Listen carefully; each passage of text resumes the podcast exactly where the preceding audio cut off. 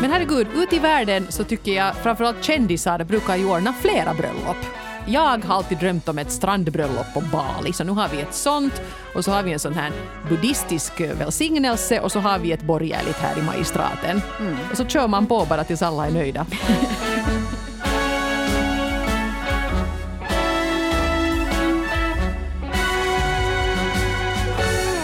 Vi har fått ett brev från signaturen Trubbel i Mumindalen som skriver så här. Bröllop, kill me. Vi har så fruktansvärt olika syner på detta.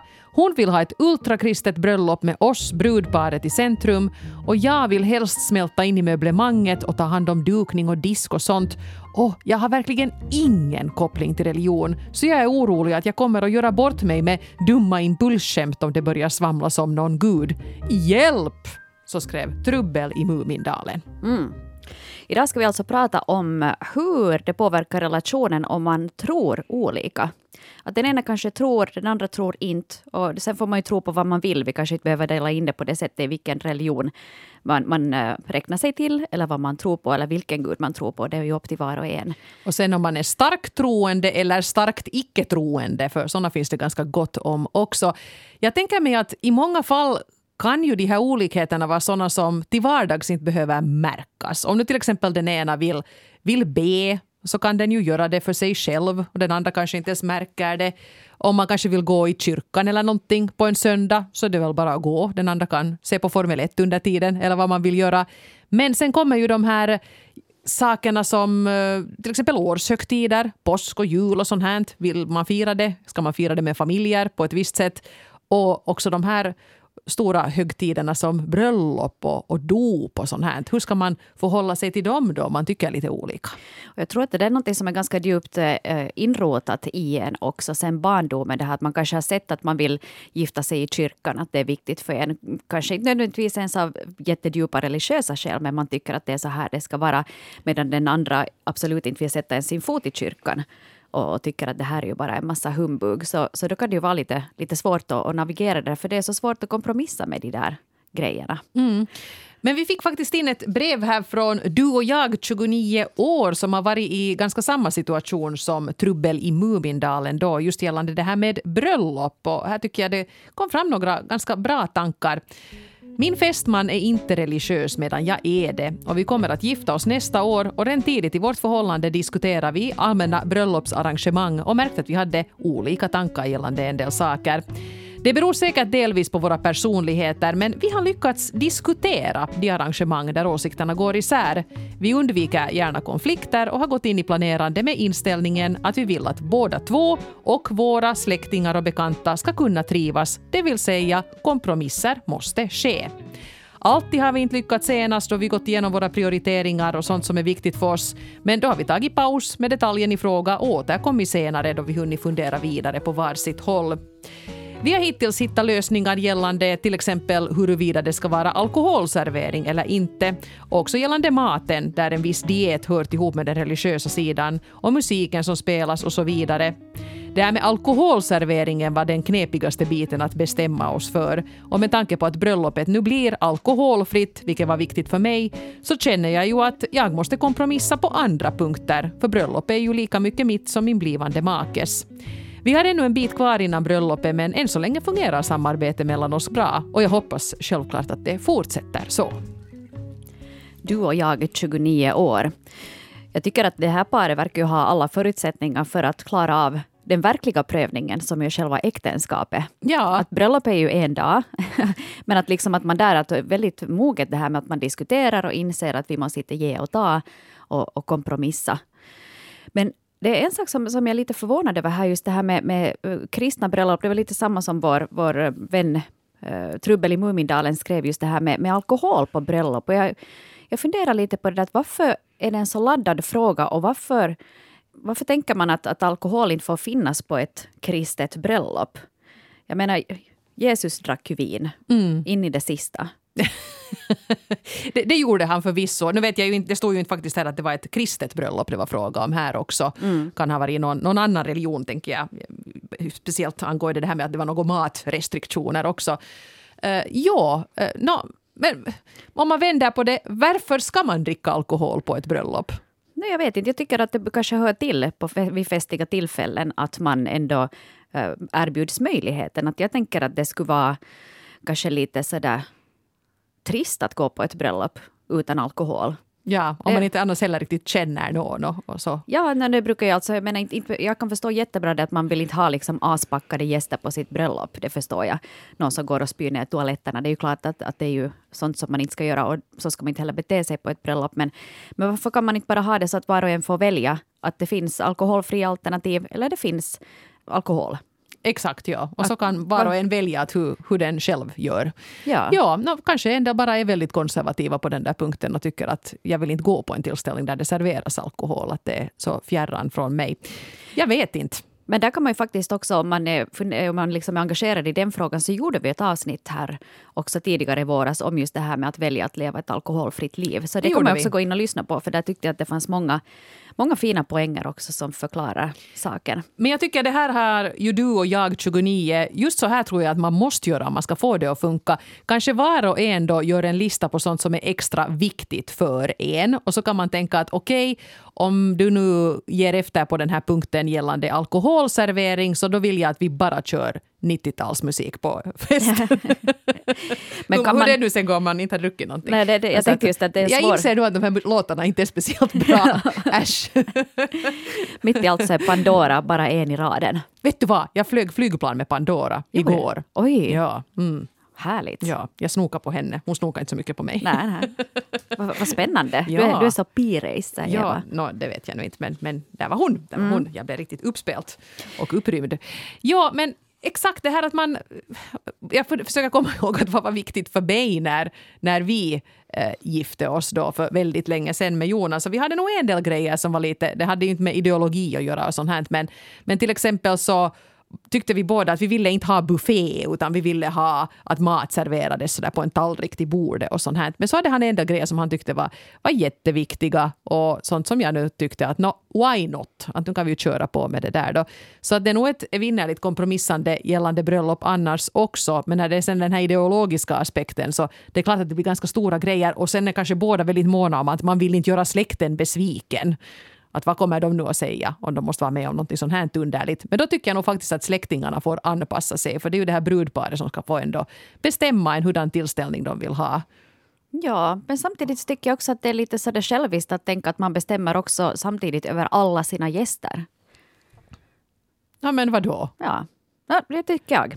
Men, no, men om alla dina gäster tycker att alkohol är hemskt och så kommer du där och säger woho! Men det, om det är jag som gifter mig. Kongatåget! No, men det var ju det jag sa. Ja. Är det inte själviskt? Det var ju det du just sa. Det är ju själviskt att bestämma över sina Nej. gäster. Ja, nu men, talar du mot dig själv här kvinna! Men, ja, men å andra sidan så jag har inte såna vänner heller som hellre går på ett alkoholfritt bröllop än ett där det serveras då no, ett glas vin. Nu, nu hakar vi upp oss på den här alkoholen men tillbaka nu till ideologin. Så jag hoppas kanske att Trubbel i Mumindalen fick sig lite inspiration av det här brevet. Ja. Så här skulle ni också kunna testa att göra. Och kompromissa och kanske just det som du sa också Eva, det här med att ha den där listan. Fast att okej, okay, det, här är det här är viktigast för mig. Mm. Och sen fast rangordna lite att, och sen se att var kan vi jämka. Ja. Och att okej, okay, du får välja det här så då får jag välja det där. Men jag sa ju lite också att det här med, med um, bröllopet, det är ju bara en dag. Att sen den verkliga utmaningen så är ju det sen förstås själva äktenskapet. Där kommer ju också många flera beslut sen som ska fattas. Och det har signaturen inte religiös, men ändå religiös 25 skrivit inom. Jag kommer från en ganska kristen familj där tron alltid har varit en självklar del av vardagen. Men själv är jag inte särskilt religiös. Jag tycker om att gå i kyrkan ibland, men det hör inte till min vardag och jag har inte heller samma övertygelse som mina föräldrar. Min pojkvän är inte minsta religiös och inte hans familj heller. De har aldrig ens tillhört kyrkan. Och det här stör mig egentligen inte eftersom ingen av oss bryr oss nämnvärt om religionutövande i vardagen. Men hur blir det sen? Om allt går bra och vi gifter oss, om vi får barn, jag vet att jag kommer att vilja gifta mig i kyrkan och döpa mitt barn för jag tycker om traditionen och för att jag inte vill göra min familj besviken och för att det helt enkelt är ja, enklast så. Men hans familj kommer säkert bli lika besviken om vi gör så som jag vill. Hur kompromissar man då? Det här är något som jag helst inte vill fundera på, för jag vet inte. Ja, det, det, där är säkert ett scenario som är bekant för många och jag måste säga att i, i mitt fall så gick det här ganska smidigt för jag tror att jag och min man är ganska likadana där. Att vi är inte så här överdrivet kyrkliga av oss men vi hör till kyrkan och vi tycker om traditioner. Så det här med kyrkbröllop och, och dop och det här så, så tyckte vi att no, men visst, det var inte ens något vi diskuterade utan, utan det, det, det bara blev så. Men eh, så här smidigt kommer ju inte alla undan. Nej. Och jag kan förstå det jättebra det här med att, att om man är en fullblodsateist så känns det kanske lite sådär som humbug att stå och lova uh, evig kärlek och tro inför en gud som man inte tror på. Att det, det kan jag ju förstå liksom att, det inte, att det klingar lite falskt att lova någonting inför någon som man inte tror på. Det kan jag förstå. Samtidigt så tror jag nog att det här just med bröllop och, och vad familjen och släkten tänker, det inverkar ju nog säkert mycket på det också. Mm. Att som, som den här personen skriver också, att om vi sen får barn och om vi gifter oss, att det är liksom enklast för familjen att vi helt enkelt gör det i kyrkan. Och att det finns en förväntning på att man ska döpa de där barnen. Men herregud, ute i världen så tycker jag framförallt kändisar brukar ju ordna flera bröllop. Så att man helt enkelt har sån här, ett seriebröllop. Att jag har alltid drömt om ett strandbröllop på Bali, så nu har vi ett sånt. Och så har vi en sån här buddhistisk välsignelse och så har vi ett borgerligt här i magistraten. Mm. Och så kör man på bara tills alla är nöjda. Alla släktingar sa att det här var nu det bästa av de här bröllopen. Det, är lite det här så, tyckte jag om. Det är lite som de där, vad heter det, Nelly ett hat, eller vet du de här då de har fyra brudar som tävlar om vem som har det bästa bröllopet. Så kan, men släkten får sen avgöra att vilket var nu sen det bästa. Men på riktigt, skämt åsido, men är, är man ett par från olika kulturer så kanske det inte alls är en dum idé. Att har du alltid drömt om att du ska ha det här på ditt bröllop, så men då ska vi ha det. Men det kanske är enklare att vi har två olika ceremonier. Mm. Och så här att alla släktingar får nu en gnutta av det som de hade tyckt att hörde till.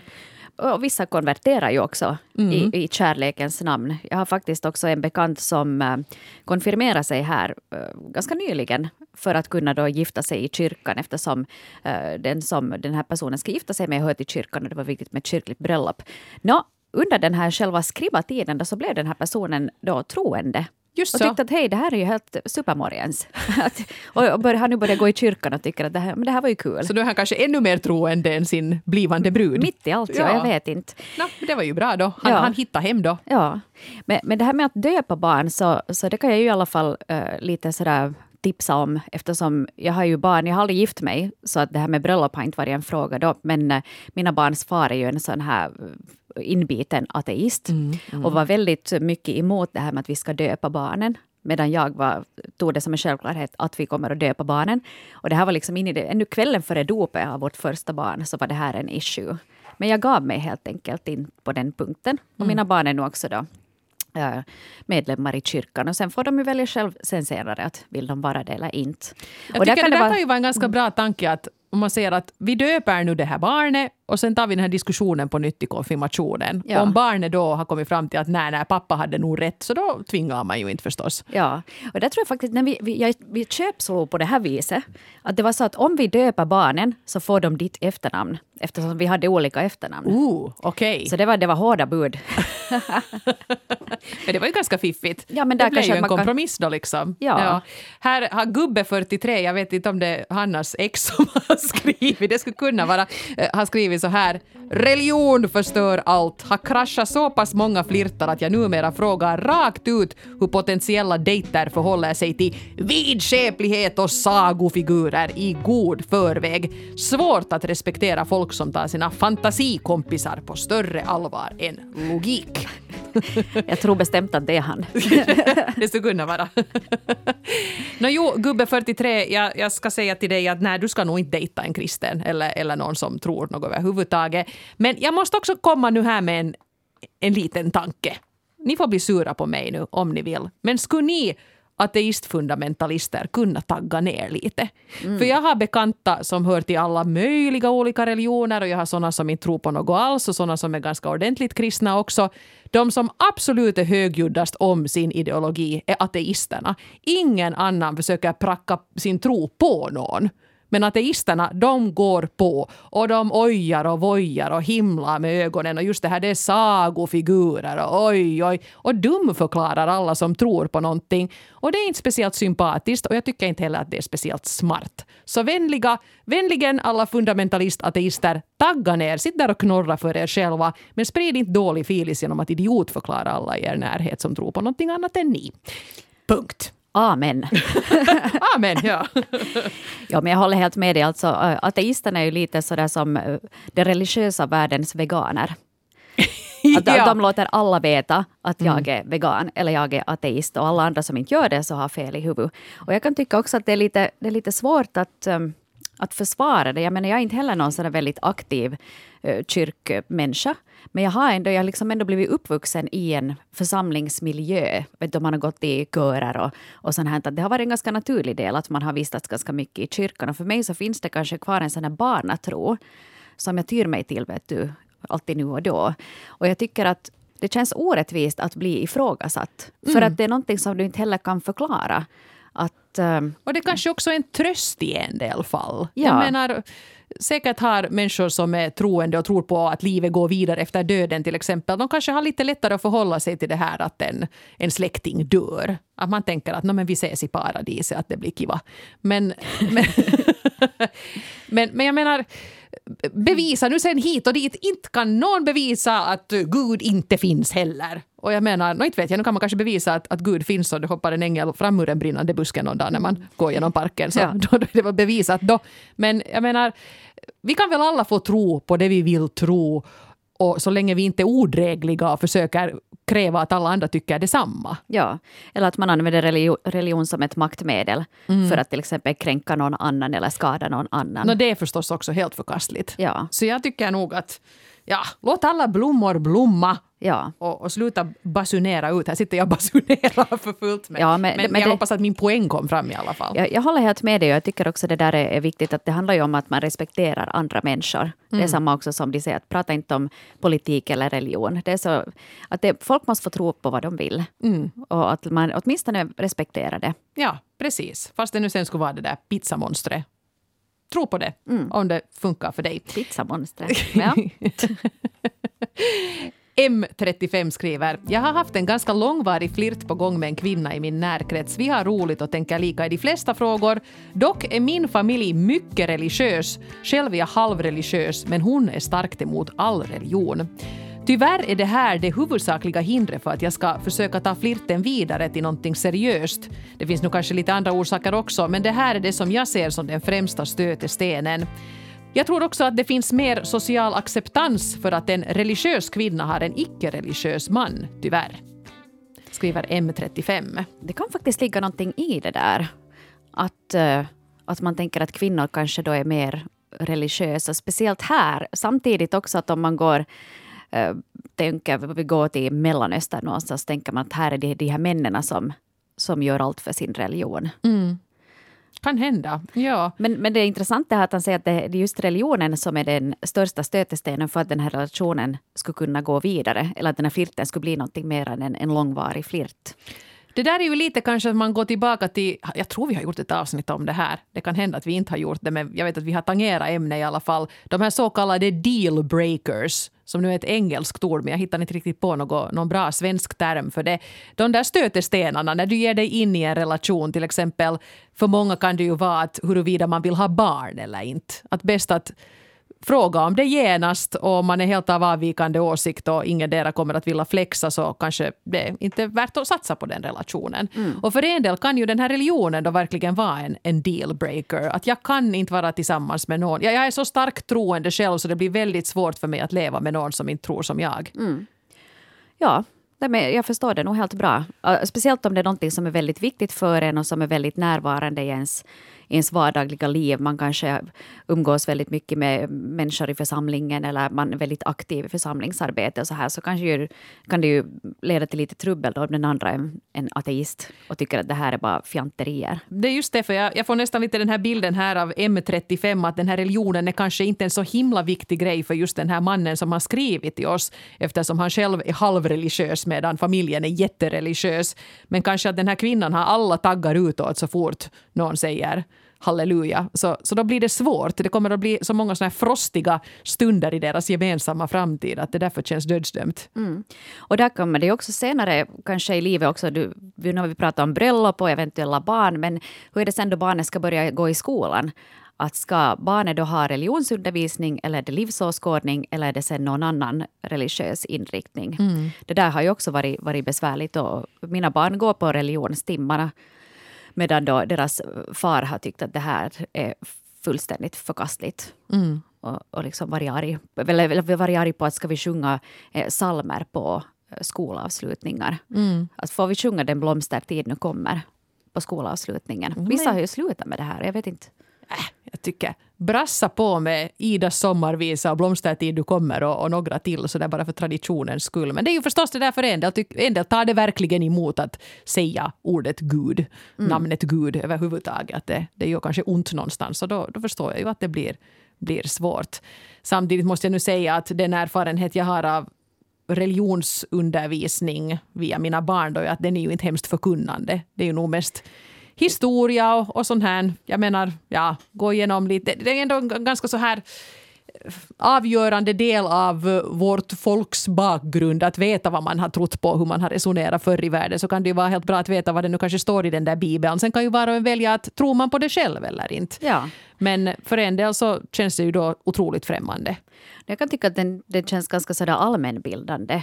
Bra att veta liksom. Ja, att den är allmänbildande och sen Uh, no, vi satt just igår och läste igenom ett avsnitt om judendomen mm. och vet du, funderade vilken är symbolen då för judendomen och, och vad heter den judiska kyrkan och sån här, det tycker jag är helt allmänbildande. Precis, alltså det är ju religionskunskap om andra religioner ingår ju också i den här kristna religionsundervisningen i skolan och det tycker jag är jätte, jätteintressant och det skulle vara bra för alla att känna till åtminstone lite fakta. Ja. Mina barn har också varit på, på sån här församlingens uh, sommarläger. Jag har satt dem dit för att de är ganska förmånliga Kyrkoskatt for Kyrkoskatt, the win! Yeah. finns i, i vad heter det, den lutherska församlingen tydligen. Uh, och då har det också varit frågat att ja, men det här, de blir hjärntvättade där. Mm. Jag tycker nu inte kanske att det är så farligt om barn kanske, om, du nu, om det läses en bordsbön, att du kan vara lite tacksam för det vad du har. Mm. Jag tycker heller att det nu är så himmelens farligt. Nej. Medan andra nu kanske tycker att deras öron blöder för att vi säger så mycket dumt i den här podden nu. Men Hur man får stänga av det. Ja, man behöver ja. ju, det är ju frivilligt att lyssna på det här. Ja, det är ju, det är ju precis så som det är. Men det är, ja, nej, det, jag tänker också bara sånt här förvisso de här stora besluten om dop och bröllop och sånt men till exempel bara julfirande, det dyker upp varje år och där kanske det inte heller är så dumt att sätta sig ner och kompromissa. Att, vet du, att det är jätteviktigt för mig att om man till exempel säger att när jag var liten så läste vi alltid julevangeliet på julafton och ni tittade alltid på Kalle Anka, så ska vi göra båda. Mm. Liksom på något sätt kompromissa sig fram till att hur ser julfirandet ut hos oss. Och sen kanske man någon gång som ateist hamnar i ett jättekristet julfirande och då kanske man får hålla god min för nästa år kanske man är hos den andra familjen och, och då är det bara Kalle Anka. Mm. och då får kanske den här kristna uh, smyga undan och läsa julevangeliet för sig själv. Eller ta det på Facetime med sin familj. Ja. Lösningar finns bara man är kreativ och, och respekterande och villig att lite kompromissa, tror jag. Helt klart, helt klart. Jag tror just det där, och som du sa också det där med att, att man måste kanske tagga ner lite mm. med sina åsikter. Ja. Men hej, vi hade ännu här ett, eh, ett brev här som vi skulle kunna ta och avrunda med. Ja, det här är Du måste finnas 20 som har skrivit att uh, han är ateist och homosexuell och ligger på den vänstra sidan av det politiska spektret så att det kan bli lite krackel ibland med en potentiell ny partner. Men så skriver han bland annat så här. Jag skulle kunna gifta mig i en kyrka ifall det var min partners högsta önskan. Ja, i det här hypotetiska scenariot så ser vi då att homon får gifta sig i vilken kyrka som helst. Men i så fall vill jag gärna ha den där korta ceremonin utan en massa böner och salmer, för jag är ju ändå en ateist så jag drar vissa gränser. Och om vi skulle få barn så skulle de inte döpas. Där är jag mycket strikt oavsett vad min partners religion är. Ett barn ska få välja sin egen religion när hen kommer till en ålder då hen kan fatta det här beslutet själv och för det ska ingen ösa på med propaganda. Jag är helt fine med att möjligen ha en mycket religiös partner så länge hen inte öser på med sin religion och förväntar sig att jag alltid ska förstå vad hen tänker, så länge hen också respekterar mig och min syn på att inte tro på någonting. Ömsesidig respekt är viktigt, men man behöver inte alltid förstå eller vara smart om varandras grejer. Men att respektera och kompromissa, det är viktigt. Bra summering där mm. av eh, Du måste finnas 20. Och jag tycker det här är också en, en, en, bra kompromiss. Att jag kan tänka mig att gifta mig i kyrkan om vi tar den där korta varianten. Ja. Att man inte behöver just läsa alla böner och, och alla salmer och sådär. Att man kanske kan göra en liten sån där light-version av ja. det kyrkliga bröllopet. Ja, så länge prästen går med på det, det gör de ju inte alltid, men att i alla fall försöka se att det här skulle vara våra önskemål. Och, och någon bön tror jag nog faktiskt man måste ha med vid en kristen vigsel, man kan inte skippa dem helt och hållet. Mm. Men i alla fall att försöka hitta på ett koncept som båda kan tycka att, att de fick det som var viktigt eh, med i det. Ja. ja. Så att ganska, ganska bra summerat där faktiskt. Ja, respektera och kompromissa. Det tycker jag egentligen de här ledorden som vi har kommit som, som har kommit fram nu här bland de brev som har kommit in.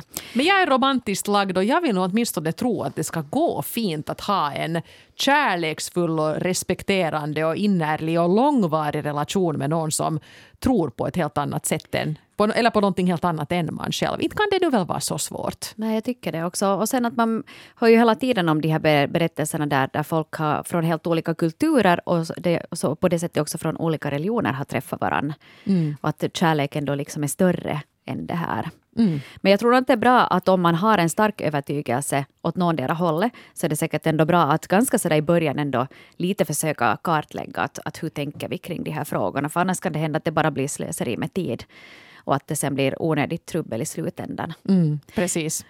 Och sen att man måste liksom få ha sin tro i fred. Tro är ändå någonting väldigt personligt. Eh, som du var inne på där Eva också, det kan ge mycket tröst. Jag har faktiskt också hört en ateist säga att eh, hen är lite avundsjuk på de som är troende för det verkar som att de har en sån här extra kraft som de kan använda sig av i mm. svåra situationer. Mm. Att hen önskar att hen skulle kunna vara lite troende, att de verkar ändå vara ganska harmoniska och, och glada och, och trygga i sig själva. Ja, ja. Vi är väl alla sökare så länge vi finns här på jorden och man måste ju få bestämma för egen del vad man vill tro och vad man vill tycka. Och då måste man kanske umgås med sådana som respekterar och stöder en i, i den processen istället för att med våld försöka övertyga er om någonting annat.